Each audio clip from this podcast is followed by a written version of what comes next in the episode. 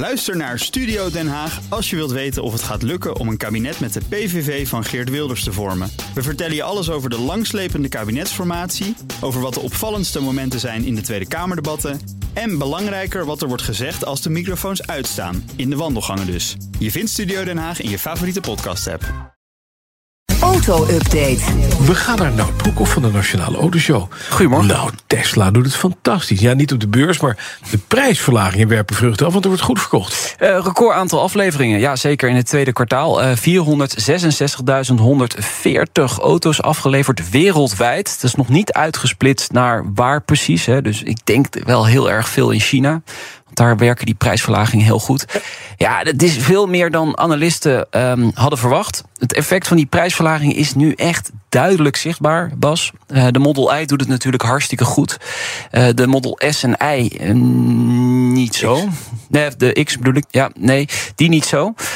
De Model 3, ja, dat is dus nog niet uitgesplitst, dus kan ik niet zeggen. Maar ja, dit gaat natuurlijk wel je marges aantasten, normaal gesproken. Dus we maken ons op voor de financiële resultaten van Tesla op 19 juli. Benieuwd wat hij dan precies gaat inleveren. Kijk, de marges bij Tesla waren altijd al best wel hoog. Dus hij heeft wel ruimte. Ja. Maar uh, ja, dit, dat houdt beleggers natuurlijk wel bezig. Oh, Hoe, ja, weet, maar, je wat, weet je wat de ellende is? Nee. Die mensen die zo'n auto leasen... ja, de restwaarde. Oh, Ja. Voor Ja. Je koopt dus straks een ding. Hè, als je nog onder het oude regime voor de prijsverlaging gekocht hebt... Ja. heb je straks een auto die is aan de straatstenen niet kwijt te, raken. Want die is net zoveel waard als jij voor een nieuwe betaalt. Ja, dit bezorgt mensen in de autosector, eh, zeker ook in Nederland, eh, eh, kopzorgen. Absoluut, ja. Nederland trouwens, eh, Tesla, in de eerste helft van het jaar... plus 735 procent. Zo. Ja, dat is echt wel een grote plus. Hè? Ruim 9000 auto's afgeleverd in Nederland. En in. Nederland is de registratie van nieuwe auto's flink gestegen het eerste half jaar. Nou, Ja. dus met dank aan Tesla dus Ja, ook. eh, deels, ja. Met bijna 29 procent. De eerste helft van het jaar. Cijfers afkomstig van Almacon.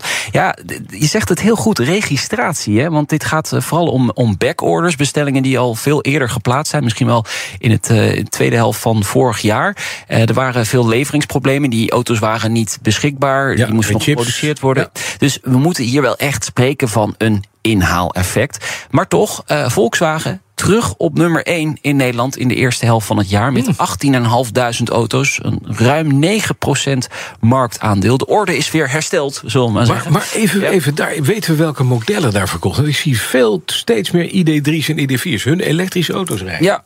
Niet zo uitgesplitst, dus dat kan ik niet eh 100% zeker zeggen. Nee. Maar eh, ja, er zullen zeker ook eh, Ja. voldoende elektrische auto's tussen Zeker, zitten. Ehm, Kia staat op 2 met ruim 17% in de plus. Ook knap hoor, gewoon nog steeds. En Toyota op, eh, op 3. Mhm. Maar ja, het is nu afwachten. wanneer drogen die backorders op?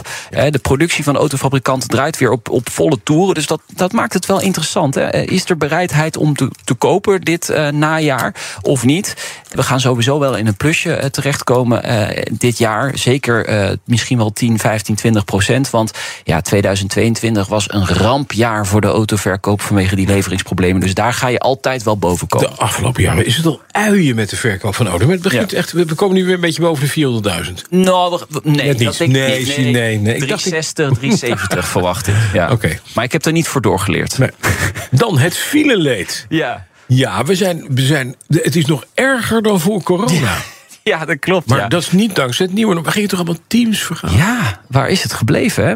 Nee, Oh, ja. De cijfers zijn van de ANWB en het is ook echt wel de conclusie. Het effect van thuiswerken en buiten de spitsreizen is eh, nauwelijks meer zichtbaar. Eigenlijk niet, Niet, meer. nee. concludeert de ANWB Verkeersinformatie. Vanmiddag Arnoud Broekhuis in BNR Mobility, maar kan wel alvast de cijfers met je delen. 15% meer files ten opzichte van dezelfde periode in 2019. Dat is dus voordat de coronacrisis uitbrak.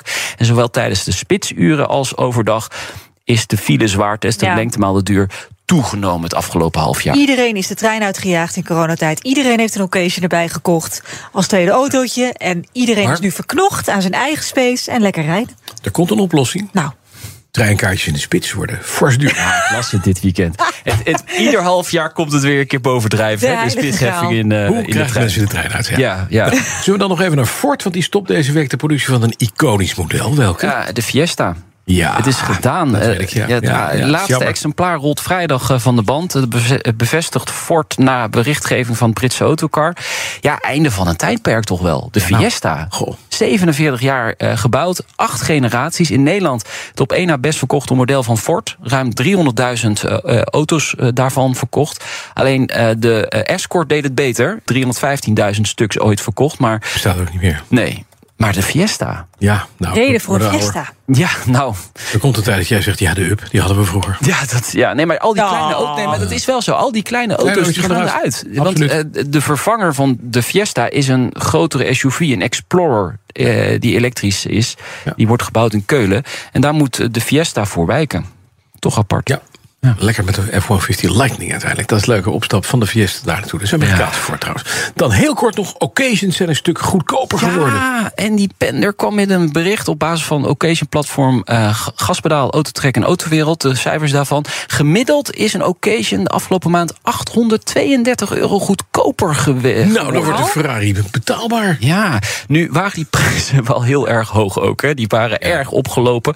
Ehm, dus wat hier denk ik aan de hand is... meer voorraad weer bij autobedrijven. Het is vraag en aanbod... En dan gaat de prijs omlaag als, het, eh, Ja. als de vraag wat minder is. Dus ik denk dat dat hier meespeelt. Maar de, de prijzen zijn nog altijd best wel hoog hoor. Ja. Eh, De gemiddelde prijzen boven de 20.000 euro bij occasions. Maar het gaat nu weer dalen. Dus dat is op zich goed nieuws eh, als je op zoek bent naar een occasion. Eh, als je hem gaat verkopen, is dat wel weer jammer natuurlijk. Want dan kun je minder vragen. Dat is waar. Ja. Dankjewel, Toon Broekhoff. Graag gedaan. De auto-update wordt mede mogelijk gemaakt door Leaseplan. Leaseplan. What's next? Ook Thomas van Zeil vind je in de BNR-app. Je kunt live naar mij luisteren in Zaken doen, de BNR-app met breaking news, het laatste zakelijke nieuws en je vindt er alle BNR-podcasts, bijvoorbeeld Het Nieuwe Geld. Download nu de gratis BNR-app en blijf scherp.